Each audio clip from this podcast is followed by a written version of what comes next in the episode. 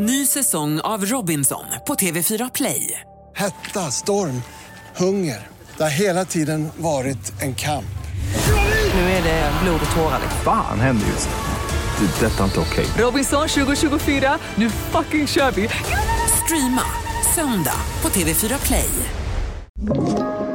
Podplay. Välkomna till krimpoddarnas krimpodd Över min döda kropp med mig, Anna Jinghede och Lena Ljungdahl. Och det är avsnitt 119. Smaka på den, Jinghede. Oh, där satt den.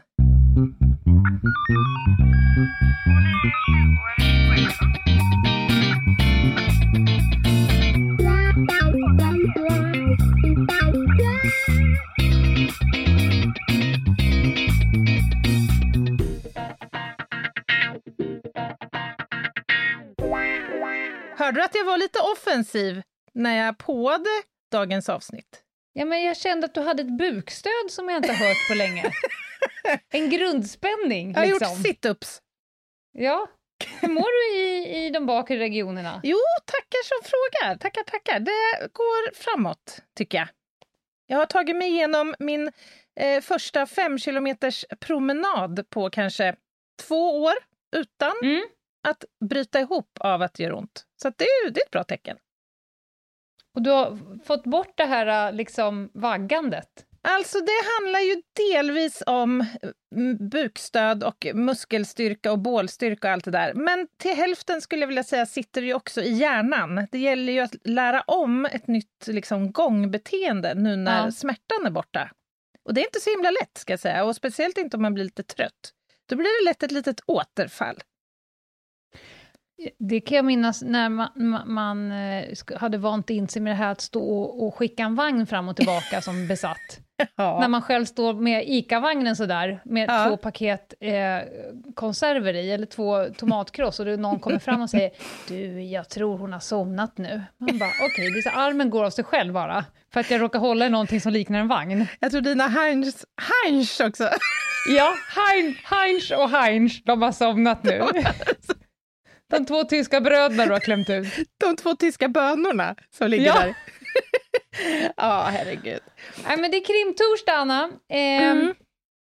Vi har fått väldigt mycket respons på måndagens spaning om Mu och Ma. Ja, det är ju roligt ju. Det är kul. Jag har själv faktiskt eh, kommit på att, jag, att tankarna kring de här mellanrummen och tomheten har fladdrat förbi på ett helt, med en helt annan... Alltså, den har inte bara fladdrat förbi, utan jag har fångat tanken och faktiskt begrundat den lite mer nu, sen vi hade den där spaningen. Ja, alltså man, man förhåller sig lite annorlunda till mellanrummen man omges av. Ja, Så är det. Är det ja kul? det är roligt. Ja. Men idag är det banne med krim, och idag skall vi, vänner, vi, vi ska prata om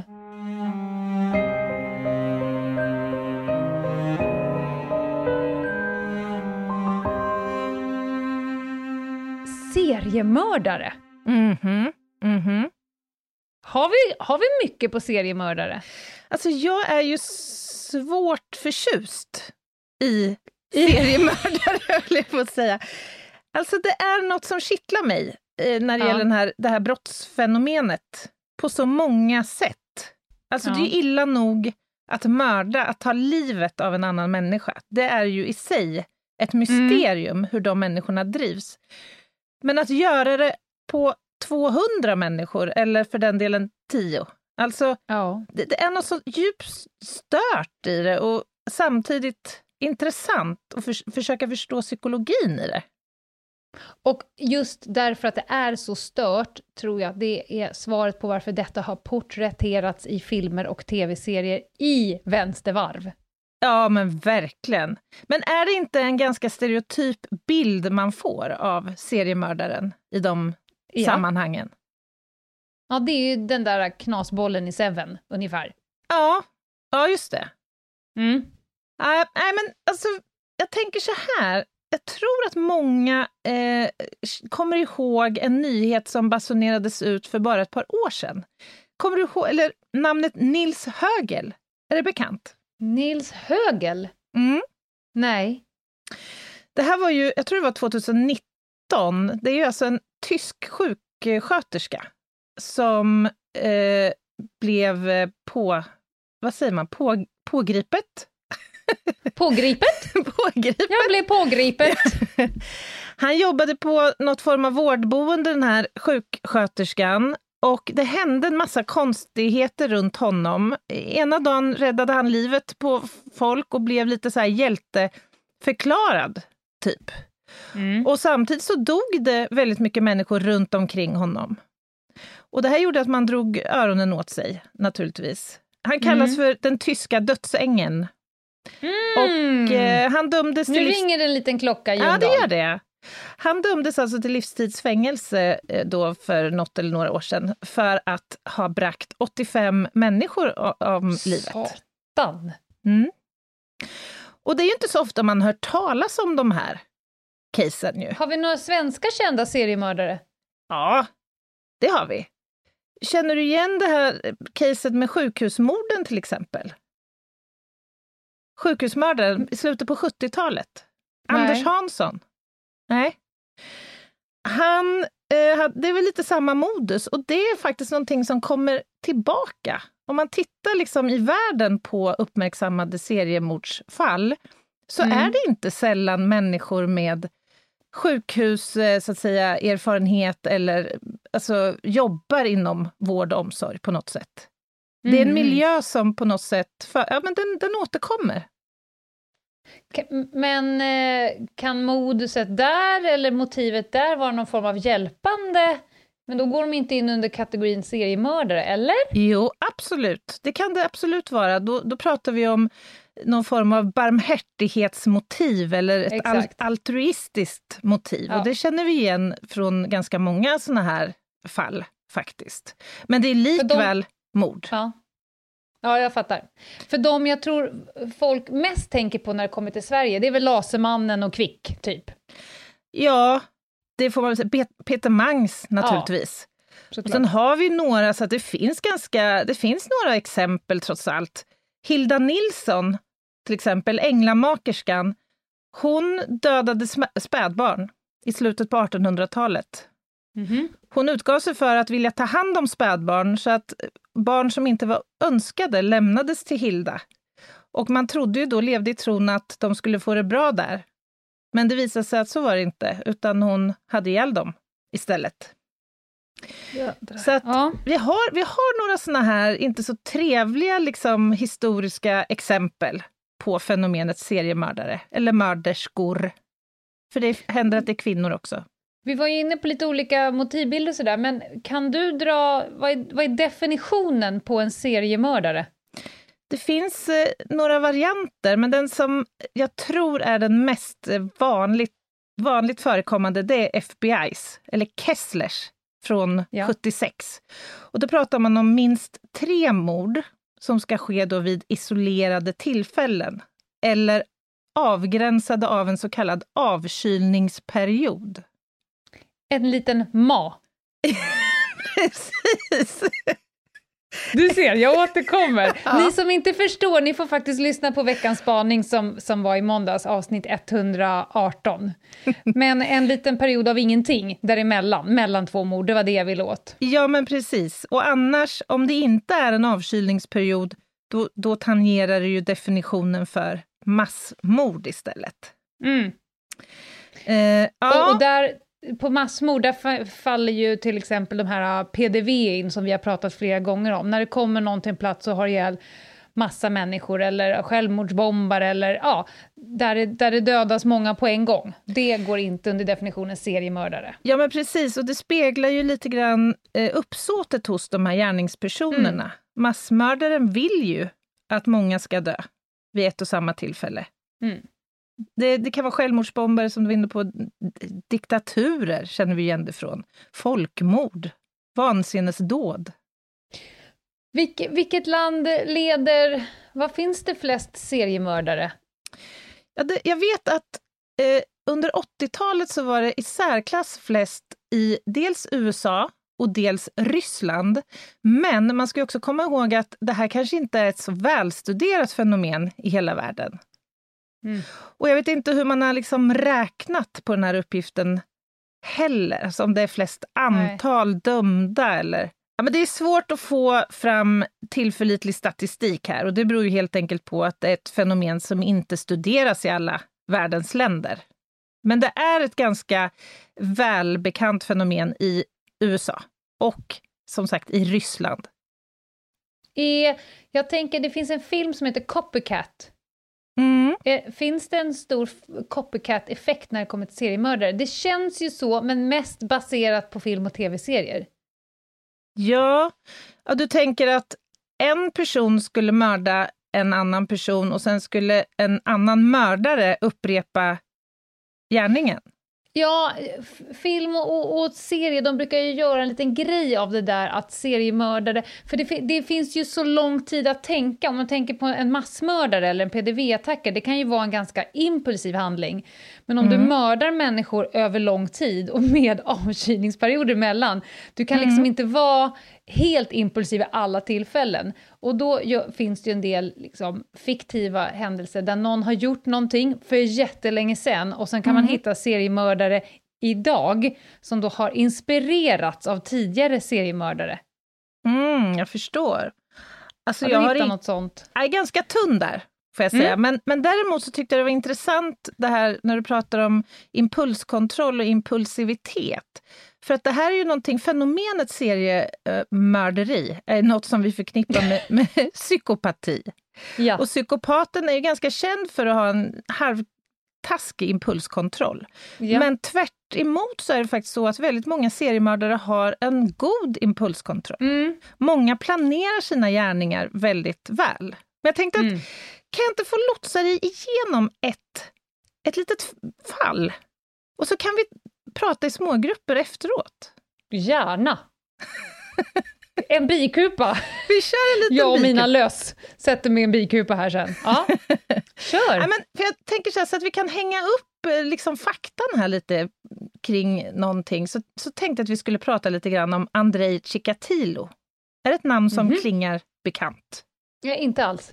Det här handlar alltså om slaktaren från Rostov Oj, det är ja. en titel som man får leva upp till. Ja, den förpliktigar, mm. kan man säga. Nej, men det här handlar om en av världens värsta, skulle jag vilja hävda, sadister och seriemördare. Och, och han har varit föremål för åtskilliga, både böcker och filmer och you name it. Så att det är säkert många av våra lyssnare som, som känner igen namnet och caset, men kanske inte fullt ut har fått liksom bilden av vem han faktiskt var. Mm. Chikatilo föddes då eh, på 30-talet och eh, i Stalins eh, Sovjet. Vi snackar tuffa tider här. Han växte upp under väldigt fattiga förhållanden. Jag vill bara ge dig lite bilden här av vad, hur en person kan formas till att bli seriemördare. Mm. Han växte upp under extremt fattiga förhållanden här och det sägs Eh, och det här, man får ju förhålla sig till det här som eh, hyfsat obekräftade uppgifter, men det sägs att han till stor del under sin uppväxt levde på gräs. Det fanns, det var sån Då hungers... menar inte du Mariana, utan du Nej. menar gräs? gräs som i, som i gräs, helt enkelt. Det var ju så... Hungersnöden var så utbredd eh, under Stalins eh, styre, helt enkelt. Så att han var utmärglad och i rätt risigt liksom fysiskt skick. Mm. Och det här gjorde, och dessutom ska jag säga så sägs det att han också skulle ha fötts med ett handikapp, nämligen hydrocephalus, vattenskalle. Och han var extremt närsynt. Så han hade liksom han hade inte det, det fysiska... Det var uppförsbacke? Ja, det kan, så skulle man kunna uttrycka det. Ja. Dessutom var han då son till en eh, far som var soldat och som eh, tillvaratogs under kriget och satt liksom fånge länge. Så han var dels frånvarande, men han betraktades också som lite en person som inte hade offrat sig för sitt land. Liksom. Och det här sköljde över på eh, Andrei då, som ja, men han utsattes för ganska hård mobbing helt enkelt under hela sin uppväxt i, i skolmiljö framför allt. Eh, det sägs att han har haft en annars god relation? För det kan man alltid tänka sådär. Det är intressant att se hur har anknytningen sett ut hos de här personerna till sina föräldrar. Och den Mm. lär ha varit hyfsat god till hans far, men desto sämre till hans mamma under uppväxten. Men i alla fall, han tog sig upp i tonår och vuxenliv, eh, lyckades skaffa sig en ganska fin utbildning och Mm. eh, ja, hankade sig fram med, med rätt så bra jobb. Han jobbade som lärare i ryska under många år. Han gifte sig och skaffade barn och levde då ett, ja men man får nog kalla det för ett ganska normalt liksom, familjeliv. Och samtidigt då som han gör detta så mördar han framförallt unga kvinnor och barn. Mhm. Han greps 1990 eh, och dömdes lite senare till döden och då eh, dömdes han för mord på 53 kvinnor och barn. Hmm. Hans brottskarriär började då i början på, på 80-talet och det här utspelar sig då i Rostov, därav hans nickname här va. Eh, Chikatilovs brottsbana den började i början på 80-talet, 82, nära Rostov. Eh, och det är då man upptäcker eh, liket av en 13-årig flicka. Och man förstod ganska snabbt att det här var någonting udda. För det första så är det ganska ovanligt att barn mördas. Och särskilt på ett sånt brutalt, närmast sadistiskt tillvägagångssätt. Den här då flickan hade utsatts för ett besinningslöst våld och framförallt ett massivt knivvåld. Och ingen som helst relation till honom. Nej, man kunde inte se att det fanns någon i den här flickans omgivning, alltså någon relation egentligen som, som verkade bekymmersam så. Eh, Det fanns inga tecken på, eller spår efter honom konkret Nej. vid det här första tillfället. Eh, mördaren hade då stuckit ut hennes ögon, så hon var dessutom stympad. Och då tänker man ju direkt att det här skulle vara någon form av signatur. Mm. Men man resonerar också kring, kan det här vara kopplat till folktron? Alltså det här att det sista man ser innan man dör bränner sig fast på näthinnan. Alltså det fanns Mhm. såna här uppslag man jobbade utifrån. Och normalt när man inleder en mordutredning så, så tittar man ju på motivet. Och i ett sånt här fall så är det ju väldigt svårt att se något uppenbart motiv. Tankarna förs ju lätt till, är det här fråga om någon form av satanistisk kult eller Mm. med tanke på att hennes ögon saknades, handlar det om organhandel. Alltså det strömmade in ganska mycket tips. Polisen jobbade målinriktat med att följa upp de här. Men innan man liksom kom någon vart så dök det upp nya lik.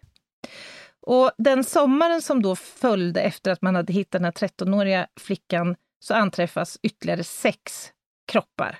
Två pojkar och fyra flickor. Ja, jag tänker han måste jobba på ordentligt om han börjar i början på 80-talet och han blev gripen 90. Ja, Och han mördade, vad sa du, 53? mm, han dömdes för 53.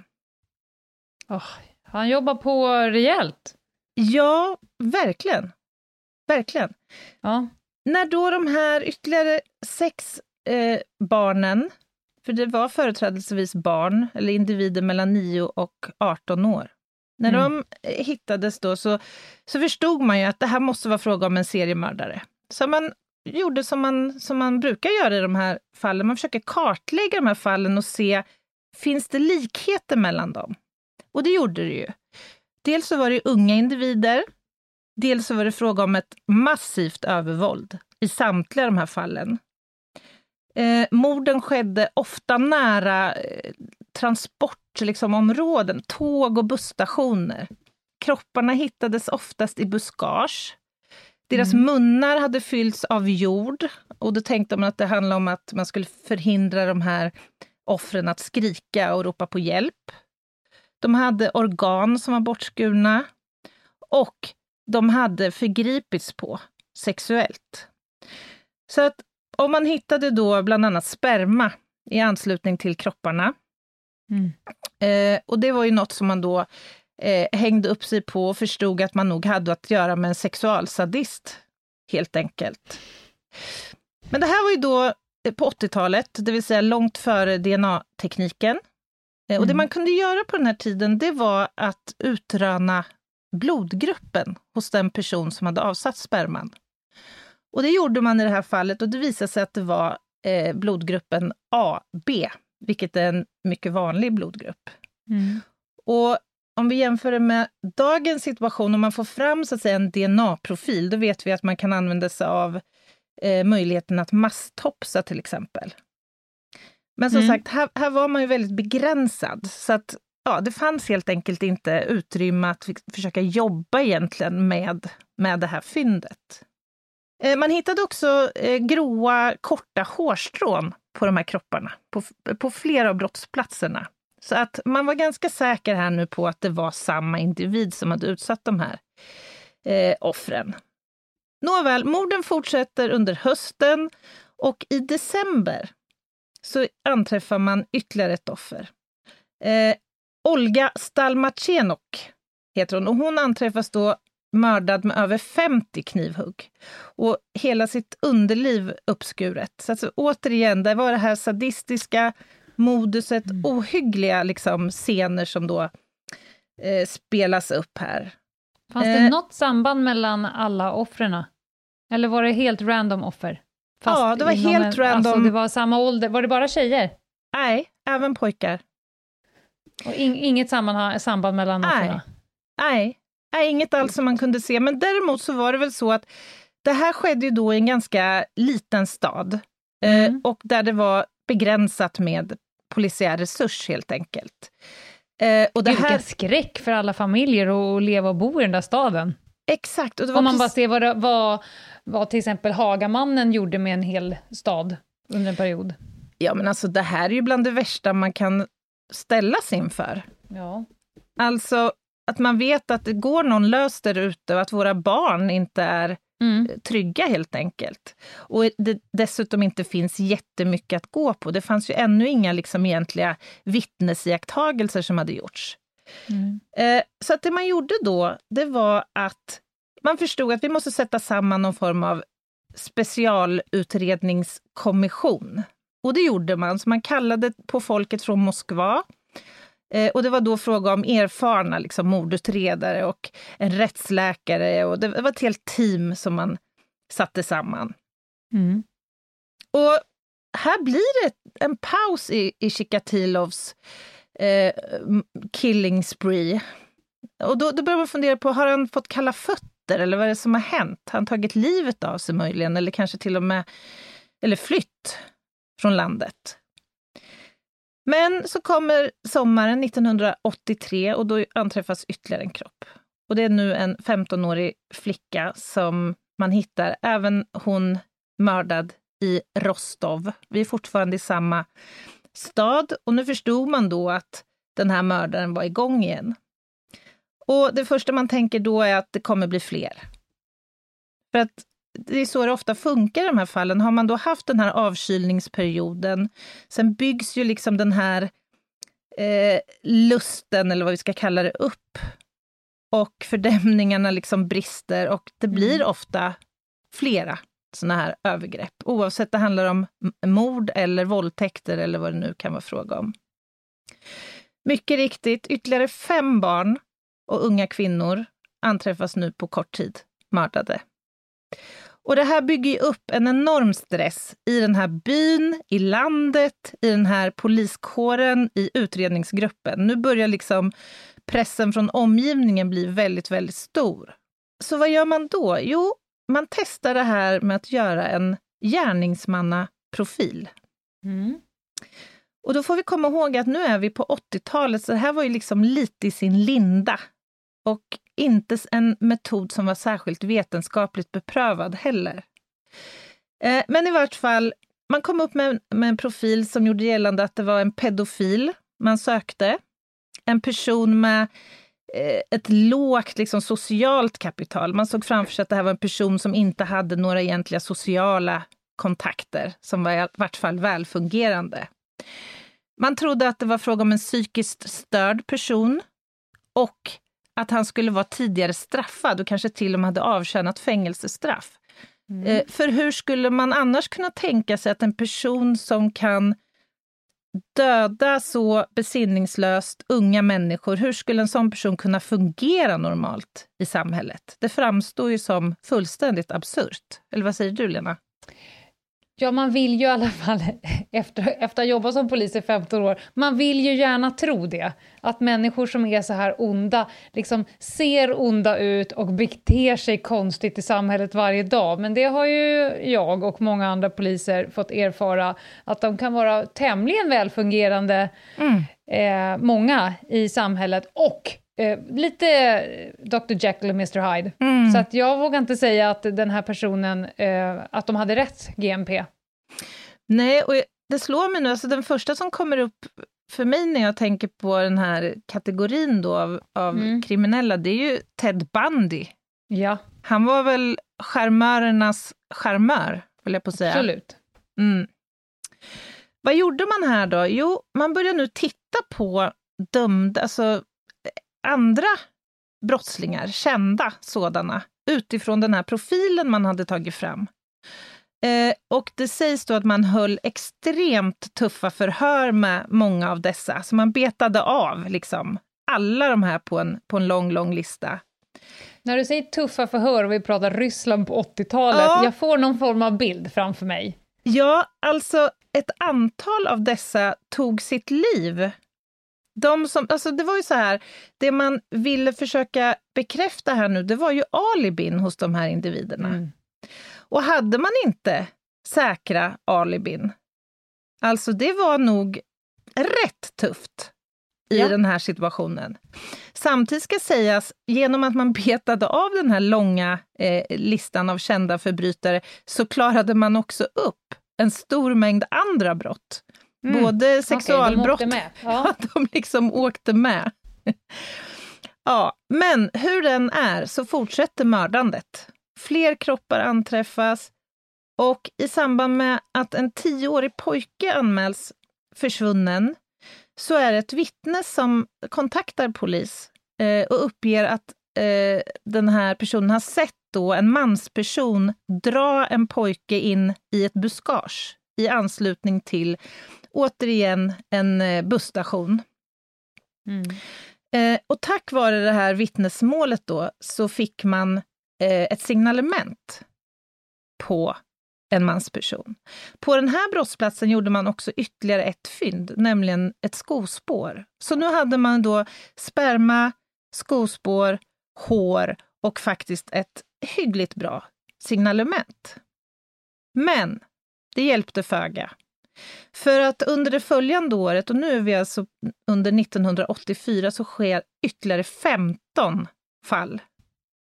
Och nu är det ju stressigt på riktigt. Alltså nu, nu är det lite kris i den här poliskåren, kan man säga. Mm. Så ytterligare 15 fall och alla uppvisar samma modus. Och man kan ju tycka då i en, nu, nu, har inte jag gjort slagningarna på Rostov, jag, jag, vet inte hur stor den staden är. Men man kan ju försöka sätta sig in i vad som händer med människor som bor i den här staden när det här mördandet liksom aldrig tar slut. Nej, det är lite som tv-serien Morden i Midsommar. Man undrar om det finns någon levande människa kvar. ja, till slut. Nej, men vad hemskt. Och det här pågår då, nu har vi bara kommit tre år och han fortsätter hela vägen till 90-talet. Mm, mm. det gör han. Men han kommer att göra ett uppehåll som är lite längre. Eh, men nu 1984, då inser man att vi, nu får vi liksom kräma på med allt vad vi har. Så nu skickade man ut all polispersonal man hade civilt i första hand. För att helt enkelt aktivt försöka stöta på den här personen. Eh, och av en slump så registrerar man faktiskt en, en mansperson, återigen vid en busstation. Eh, och det här är då Chikatilov. Eh, han har, när han påträffas, i en väska kniv och rep. Eh, och han beter sig väldigt mystiskt. Så att de har egentligen inget konkret liksom, att gå på. Det är bara mer eller mindre en magkänsla, helt mm. enkelt. Mm. Men man tar, man tar in honom och man tar blod från honom. Och när de tittar närmare på honom så visar det sig att han har faktiskt varit misstänkt för ett mord redan 1978, men friades från det. Det var en annan person som dömdes för det mordet och också eh, avrättades. Och den gången, 1978, så var det fråga om en nioårig flicka som när hon anträffades var väldigt, väldigt illa tilltygad. Och där hade man säkrat sperma. Och då tänker man så här, aha, kan det vara så att fel person dömdes för det här mordet 1978? Eh, för det var också så att Chikatilo faktiskt gick in ganska väl på det signalementet. Mm. Så nu gjorde man ju då en koll mot hans eh, blod och jämförde hans blodgrupp mot den sperma som hade anträffats. Men det stämde inte. Och det var ju naturligtvis ett, ett eh, bakslag. Mm. Eh, så att, men man, man tyckte ju då att han, han var intressant för det här, så att han var liksom inte avfärdad, men de kunde ju inte binda honom till det här. Chikatilos blodgrupp gick inte in på den grupp som man hade hittat i, i sperman som hade anträffats på de här brottsplatserna. Eh, och man försökte ju ändå att binda honom till något av de här nu 20 eller 25 morden som hade skett. Sen var det så att man, man förhörde även då hans fru naturligtvis. Och hon kunde ge honom alibi för flera av de här eh, mm. morden. Och tyvärr så, så har de liksom ingen annan utväg då än att släppa honom.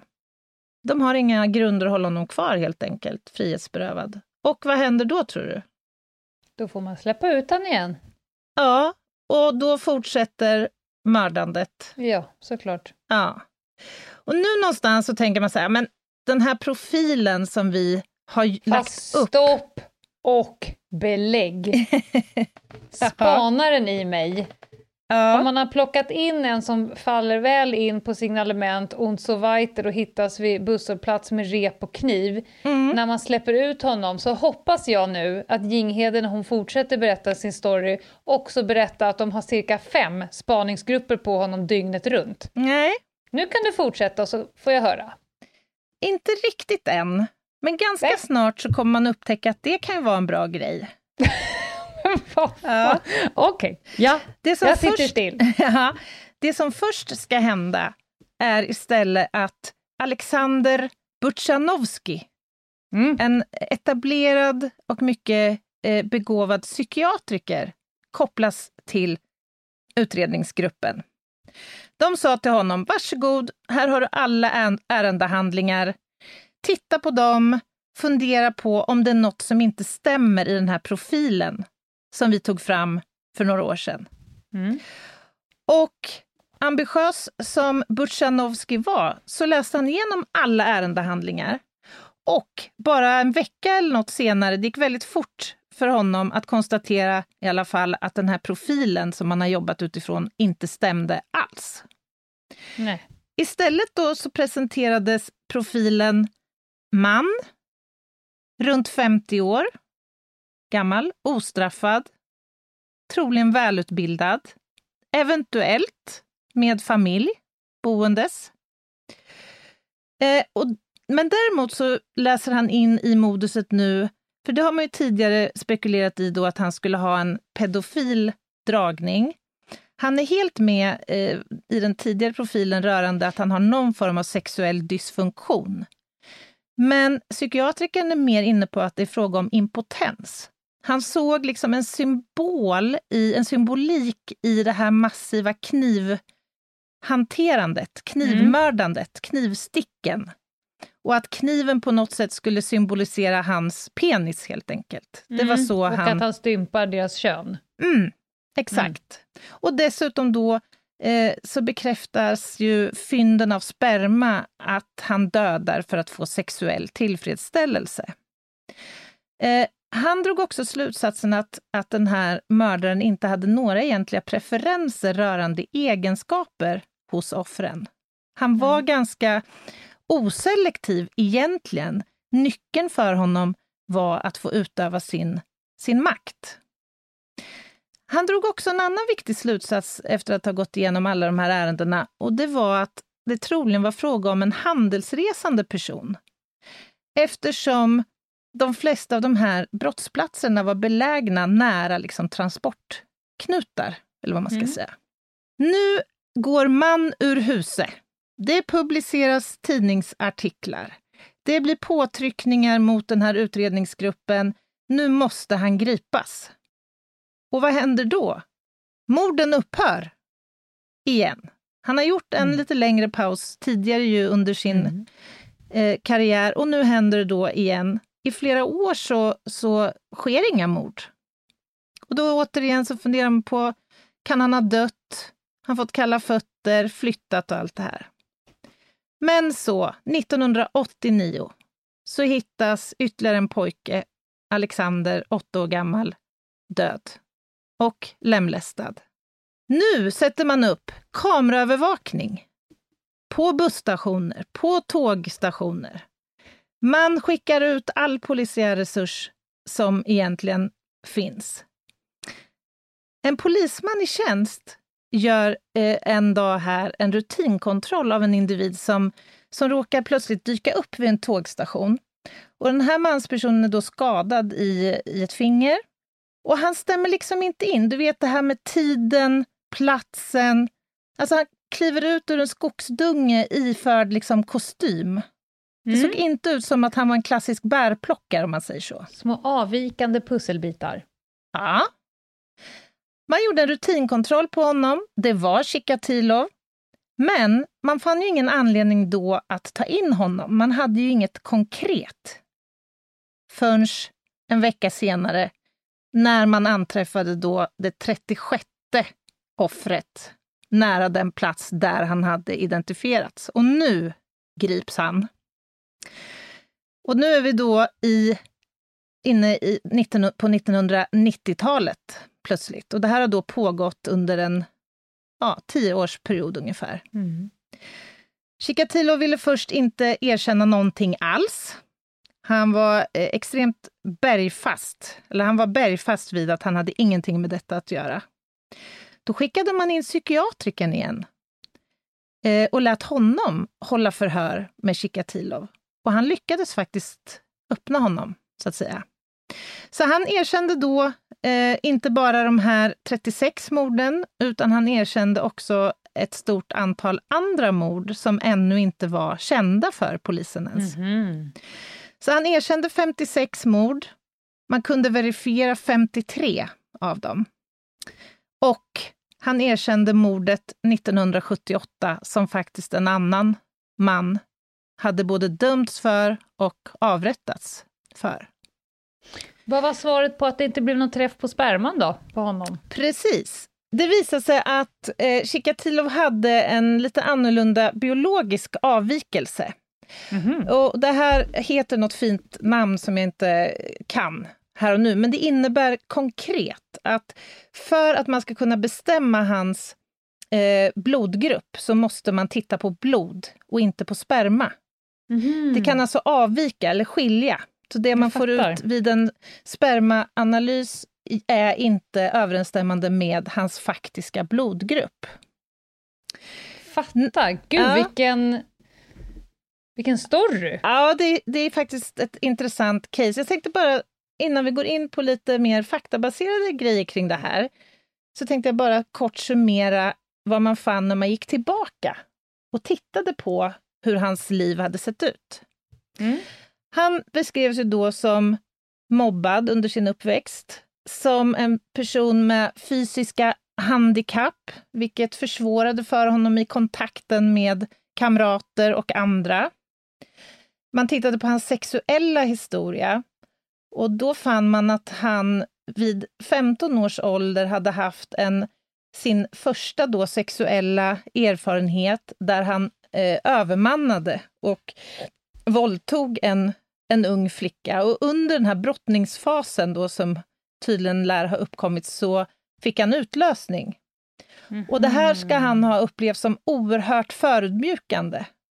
Eh, och man kan tänka sig att det här kanske blev då liksom kopplingen någonstans mellan sex och våld helt enkelt.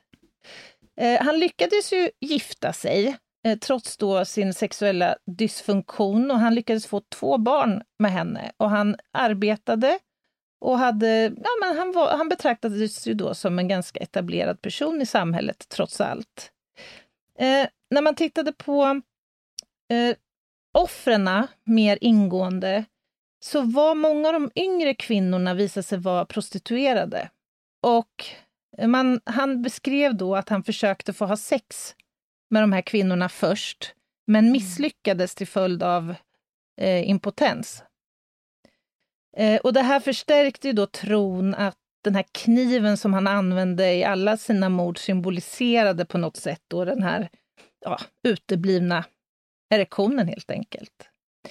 Och när man funderade på, han var ju lärare eh, i ryska som jag sa inledningsvis, men då visade det sig att precis före de här morden, den här mordvågen drog igång då i början på 80-talet, så hade han blivit avskedad. Och det berodde mm. på att han misstänktes för att ha förgripit sig på flera av sina elever. Eh, och istället så började han resa i tjänsten. Han var handelsresande. Och det stämde ju ganska bra liksom med hans rörelsemönster och det, det modus man liksom senare såg. Så att, ja, eh, jag tycker det är ett intressant case, för att man, det är många av de här pusselbitarna liksom som man får svar på, faktiskt. Mm. Man kan förstå lite grann hur hans personlighet faktiskt utvecklades. Ja, intressant att följa deras polisiära arbete också. Jag reflekterar att jag tycker att det tar jävligt lång tid allting de skulle göra. De satte in liksom de här stora resurserna fan tio år för sent kändes det som. Ja men verkligen, man kan ju tycka liksom att om man anträffar ett barn brutalt mördat, mm. det ska väl nästan räcka kan man tycka. För, för att öppna dammluckorna på en gång. Men återigen, vi får inte glömma bort heller när det här utspelar sig. Exakt. Och hur det såg ut och var. då. Och var. Exakt. Bra Anna, jätteintressant case. Nu är det hög tid för kisspaus för oss alla. Ny säsong av Robinson på TV4 Play. Hetta, storm, hunger. Det har hela tiden varit en kamp. Nu är det blod och tårar. Fan händer just det. det detta är inte okej. Okay. Robinson 2024, nu fucking kör vi. Streama söndag på TV4 Play. Poddtips från Podplay. I podden Något Kaiko garanterar östgötarna Brutti och jag, Davva, dig en stor dos skratt. Där följer jag pladask för köttätandet igen. Man är lite som en jävla vampyr. Man har fått lite blodsmak och då måste man ha mer. Udda spaningar, fängslande anekdoter och en och annan arg rant. Jag måste ha mitt kaffe på morgonen för annars är jag ingen trevlig människa. Då är du ingen trevlig människa, punkt. Något kajko, hör du på podplay. Därför är gardinerna. Välkomna tillbaka till Krimpoddarnas krimpodd. Det är avsnitt 119 och Anna har precis tagit oss igenom ett ruggigt case, slaktaren från Rostov, som blev dömd för 53 vansinniga mord. Mm. Ja, det är ja. ju helt sinnessjukt. Ja, det är det faktiskt. Men, men som jag sa innan pausen också, det, hade, hade det här hänt i dagsläget så tror jag inte att det hade tagit tio år innan dammluckorna öppnades och man började sätta upp kameror och så vidare. Det hade inte samhället tillåtit. Nej, alltså det där fascinerar mig lite grann. Alltså, vi var ju inne lite grann på det här före pausen, att det här då äger rum i liksom forna Sovjet, eller forna, så vi är ju ändå i slutet på 80, eller början ja. på 90-talet. Har du någon idé om vad det är som händer när den här, om man nu kan kalla det lamslag, alltså det var väl inte lamslag, man hade väl helt enkelt inget, inget att jobba med, men så har du någon idé om vad det var som gjorde att det var så svårt att mobilisera tidigt och snabbt?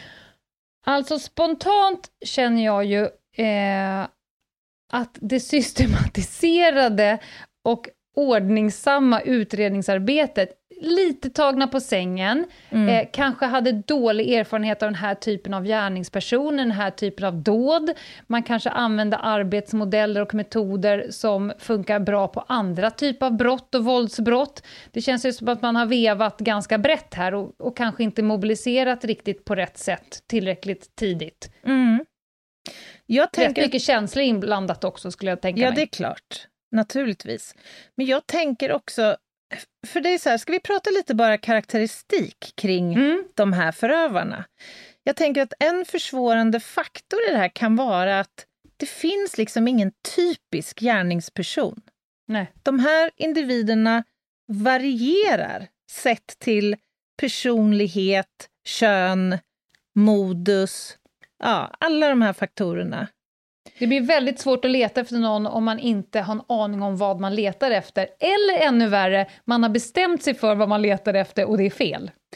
Ja, ja precis. Det, det där tycker jag vi ska prata om i ett helt separat avsnitt. Ska vi inte ägna ett eget avsnitt kring detta och hur man kan utreda de här ärendena? Mm. Jag håller helt med. Eh, eh, ärendet var så intressant och det finns så mycket att säga. Jag till exempel har ju fått spana på en seriemördare under ganska lång tid. Eh, polisens metodstöd för att utreda eh, grova våldsbrott finns ju i Sverige. Eh, så att istället för att eh, lägga i sexans växel och börna över de här så kör vi nästa torsdag, vi kan säga det redan nu, nästa torsdag fortsätter vi och prånglar oss igenom seriemördarnas väsen. Och kanske seriebrottslingarna egentligen. För att Ja, jag, jag får också dra paralleller till, jag har varit ute och, och försökt locka till med en serievåldtäktsman i Örebro på cykel. Det är liksom samma utredningsmetodik Ja, ja. faktiskt. Men bara för att avsluta våra seriemördare för, för det här avsnittet så tänker jag, jag skulle bara vilja dra lite grann, för jag tror att många tänker så här, vad, hur fungerar de här personerna? Vi har varit inne lite grann nu på att man å ena sidan föreslog när det gäller Chikatilo att det här skulle vara en pedofil, en ensling, en psykiskt eh, sjuk person och så vidare. Mm. Eh, och, och det finns faktiskt lite forskning här och det tycker jag väldigt mycket om. verkligen.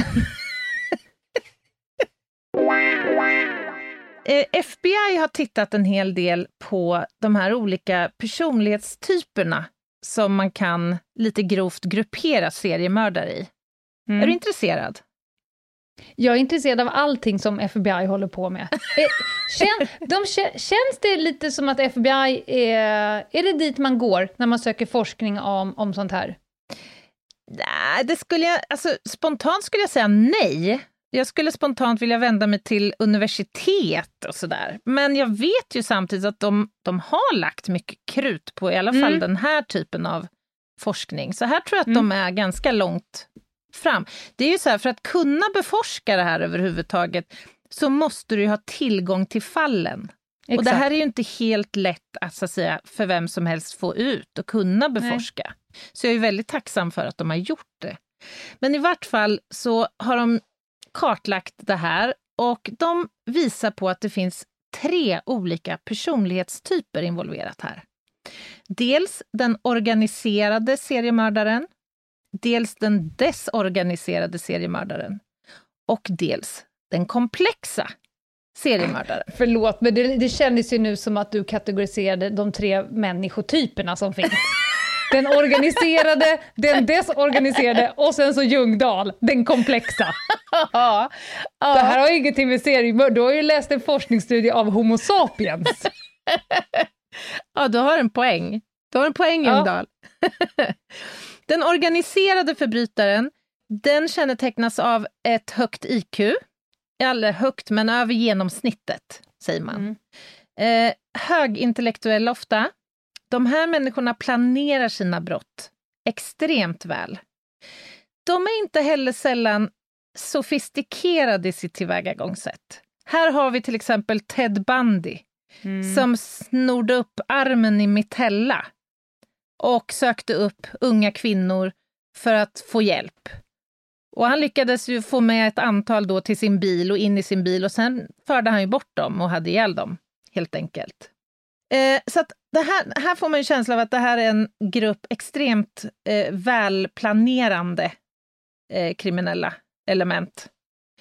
Ehm, sen har vi då den här andra eh, kategorin, de desorganiserade. Och de eh, har egentligen den raka motsatta profilen, skulle man kunna säga lite förenklat. De kännetecknas av en låg intelligens, med ett IQ då under genomsnittet och de är betydligt mer impulsiva i sitt sätt att agera. Och medan då den organiserade mördaren liksom söker oftast ett, ett specifikt offer, Mm. så agerar den desorganiserade mer på impuls. Alltså att man Mm, tar det. tillfället när det kommer, så att säga. De bryr sig inte heller så där vansinnigt mycket om eh, hur man ska göra sig av med kroppen. Det är som att det finns liksom ingen riktig plan för det. Eftersom man agerat på impuls så har man inte heller funderat på hur man ska försöka undgå upptäckt här. Och de attackerar då liksom mer utan förvarning, helt enkelt, och utför då de ritualer som de... Alltså deras preferenser helt enkelt styr dem, skulle man kunna säga. De är inte så nog, noga med att dölja sina spår. Den organiserade typen är betydligt duktigare på att eh, förvilla utredningen. Det här att stagea brottsplatsen som vi har pratat om tidigare. Kanske plantera ett eh, självmordsbrev bredvid offret och alla de här bitarna. Till skillnad då från den här desorganiserade. Men sen finns ju då li liksom lite en flytande skala här. Det förekommer att man så att säga går från att vara organiserad till att bli allt mer desorganiserad. Det här är ju trots allt människor som ska fungera utanför sitt liksom mord... Vad ska Mm. man kalla det? Bubbla. Alltså de, de har ju ofta jobb och relationer och allt det här. Eh, och det är klart att de på påverkas av stress till exempel, vilket gör att även en extremt organiserad mördare kan övergå till att bli då mer osorterad, om man får eh, uttrycka sig så. Jag gör en koppling. Ja, Sånt här tittar ju vi på när vi gör såna här hotbildsbedömningar, när vi sitter med bedömningsinstrument och plockar in folks eh, handlingar. Eh, och då om man kikar över tid så kan man se att en person som är ganska organiserad, eh, skriver på ett visst sätt, använder en viss nomenklatur, eh, vissa tidpunkter och sådär, ganska förutsägbar. Eh, när den personen, när man ser i sina bedömningsinstrument, när man får in nya, om det kan vara brev eller hälsningar eller samtal, vad det nu är, när man stoppar in nya nycklar, då kan man se över tid att de ändrar sätt är det att den sjunde nyckeln? Den sjunde nyckeln! ja, men när de eh, kanske börjar skriva på ett annat sätt eller eh, det är en tätare per periodicitet eller någonting annat. Det ger ju eh, oss eh, verktyg och eh, ändrar beslutsunderlaget. För det, då är det antingen att personen är utsatt för någon viss affekt, att personen är ännu argare eller att det är någonting och utifrån det kan man behöva göra nya åtgärdsförslag för vad gör vi nu då? För nu har personen det. gått från att bli organiserad till att bli ganska forcerad eller ilsk eller något sånt där. Och då behöver man kanske matcha det med lite olika åtgärder för att skydda den personen som då är drabbad. Det är väldigt komplext att bedöma en sån person. Ja, det förstår jag. Men kan man då se om det är någon isolerad händelse så att säga som bidrar till den här övergången från att vara då organiserad och hålla... Alltså, för det är ju så här, man läser på om de här seriemördarna som är organiserade. De håller ju också ja, ganska god koll på vad som händer i sin omgivning. De följer utvecklingen i media. De finner ju ofta en lust i till och med att liksom dra snuten bakom örat, så att säga. Eller vad säger man? Bakom Dra, ljuset. dra snuten vid näsan. Vid näsan. Ja, men- ja. Eh, ja, för att för enkelt svara, ibland så vet man ju vad det är som utlöser den ändringen. Det kan vara någonting som då eh, den man då ska skydda har gjort eller sagt eller har tagit ett beslut eller avvisat eller personen har inte fått ett jobb som hen har sökt eller något sånt där. Så Just ibland det. vet man ju precis att nu kommer det nog ändras. Ibland har man ingen aning om varför det ändras, kanske inte ens får reda på det och ibland får man reda på det i efterhand att aha, Här såg vi en stor skillnad. Vad var det som hände här? Får man nästan söka i... i ja, man får göra då olika typer av informationsinhämtning för att sen lista ut att okej, det var det här som hände. Och då kan ju den förklaringen i sig vara lugnande, att det har ingenting med det att göra, Just men det, det. kan också vara eh, värre. Och om det är fler personer som drabbas och alla upplever samma ändring, då minskar hotbilden mot den Mm. man försöker skydda, för då sprids grasen, han är arg på alla helt enkelt. Ja, jag det, förstår. ja. Ja, men man kan plocka mycket ur det.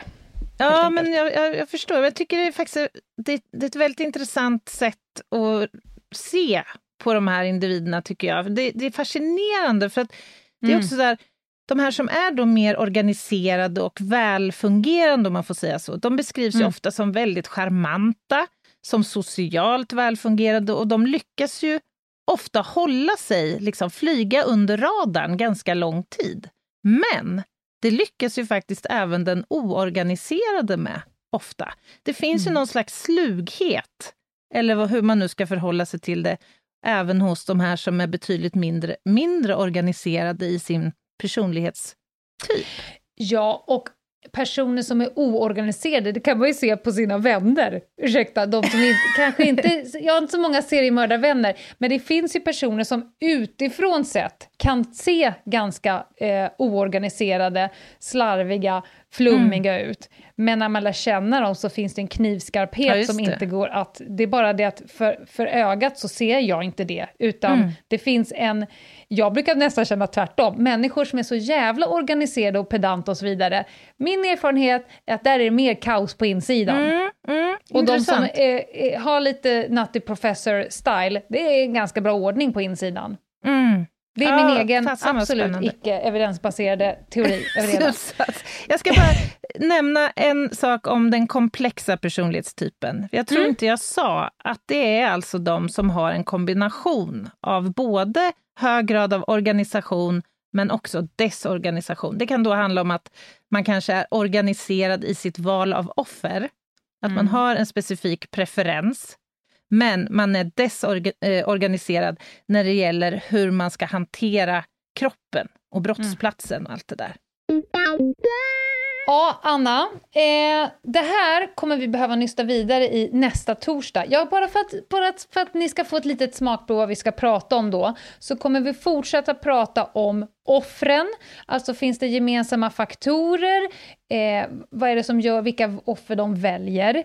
Eh, jag kommer berätta om hur det är att spana på seriemördare, eh, lite kopplat till säkerhetstänk, eh, eftersom personen per se är en seriemördare. Mm. Eh, och hur man, hur man tänker då.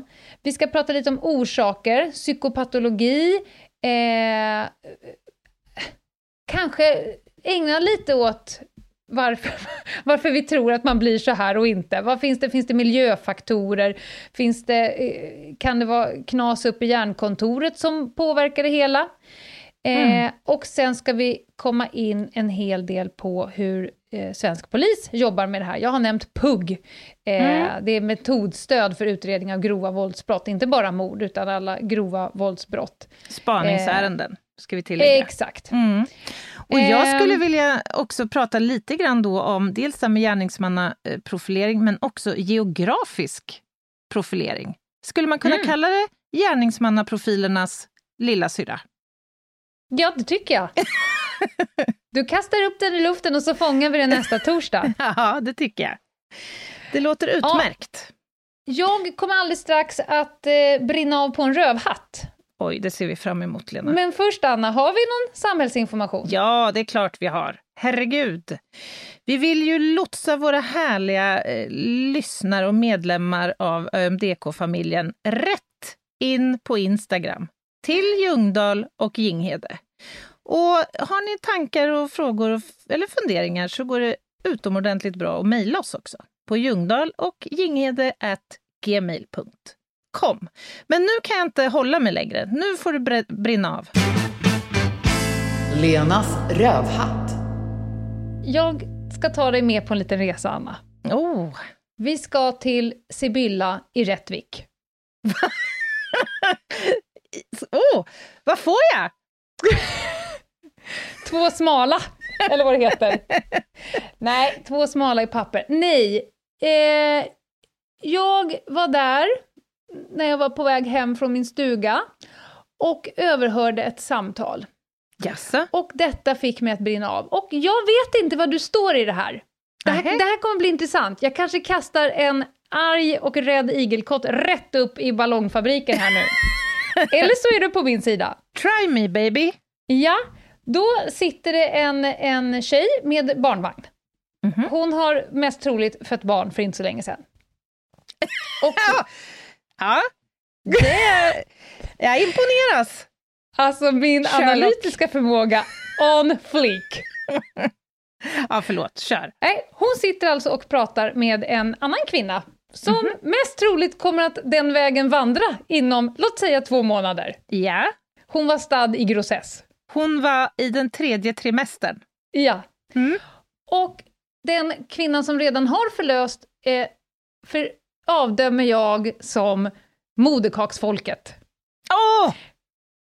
Sluta. Så, hade, åt hon moderkaka vid Sibylla? Nej, inte as we speak. Inte liksom där och då. Men jag tror fan att hon var en... Alltså kan vi prata om en kategori eh, födande kvinnor? Alltså, de här människorna, hon satt och sa saker som att, jag, jag kan lova mig att hon hade någon jävla dola som stod och nynnade någon delfinsång när hon eh, sket ut den här tresitssoffan ur Snippis. Ja, ha. Ja, men alltså, det är, de, säger, de säger ofta saker som man säger, nej men moderkakan det är livets träd. ja Den, den kan vi typ äta upp. Nej, Eller- liv, mo, moderkakan är skräp. Den ska slängas. Åh, jag älskar att du är på min sida. Då, kan då behöver jag inte frisera nu, utan då kan jag bara låta dammluckorna Kör. öppnas. Öppna dem. Nej men alltså, de spikar upp moderkaka på någon jävla drivvedskonst och skickar upp på köksväggen. Lagar säkert soppa på bröstmjölk, för att det är så naturligt. De säger såna här saker som att Alltså, vi är alla århundradet, alltså förr i världen då gick man ju ut och satte sig under en gran och skett ut den här jävla eh, pjäx, slalompjäxan, eller vad det nu är. Det känns ju så.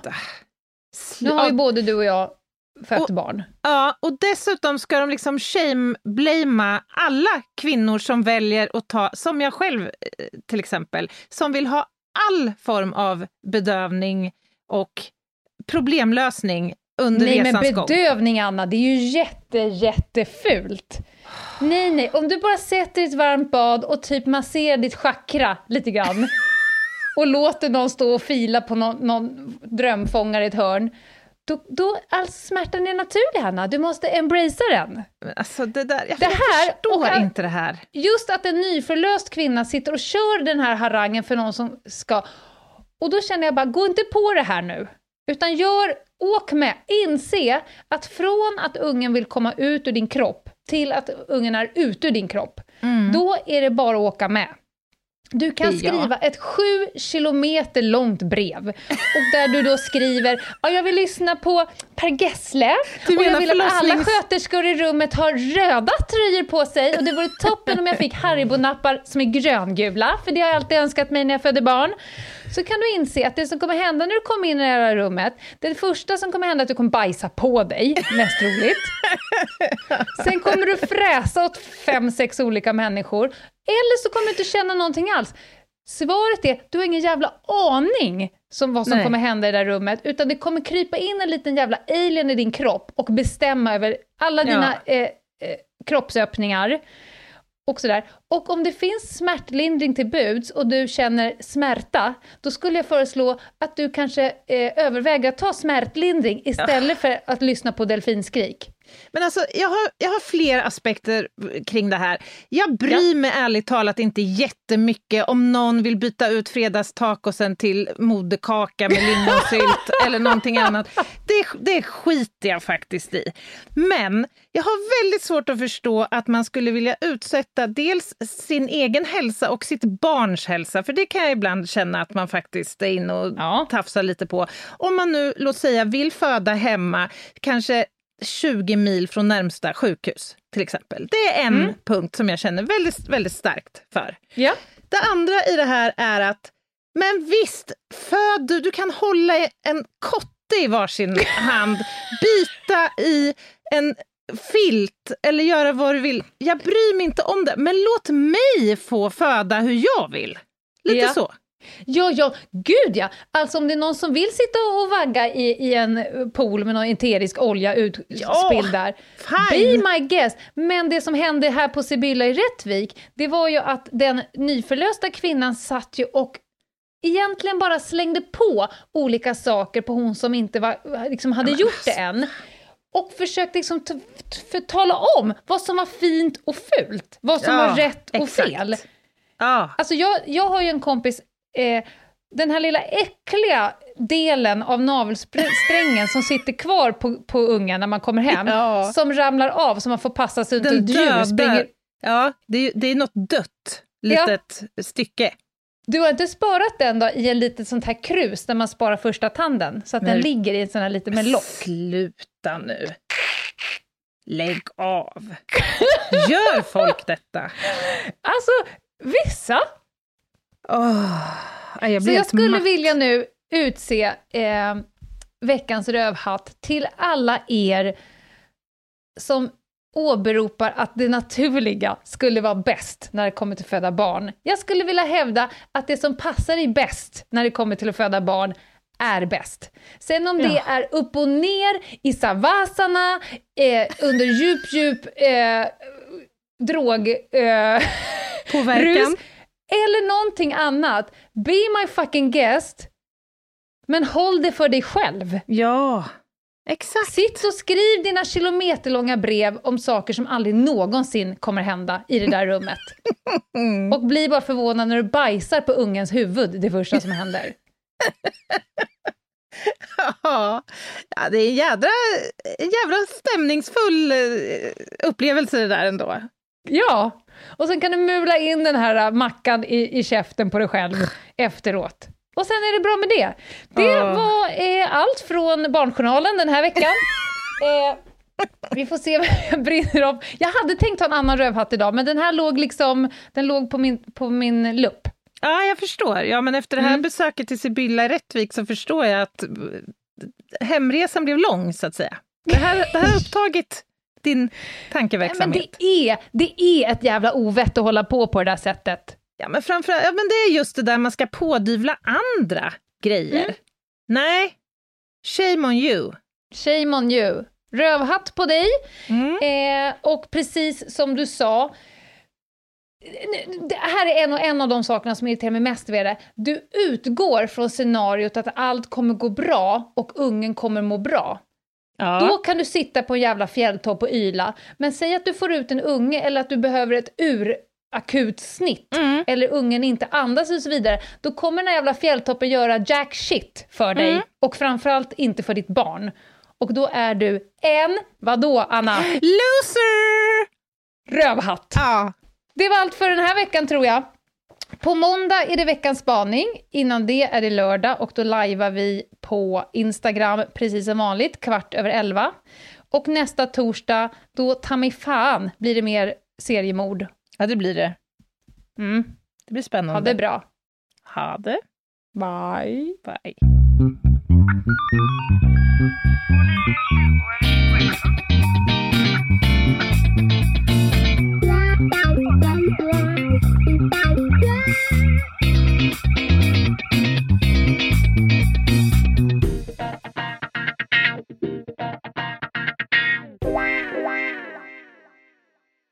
Ny säsong av Robinson på TV4 Play.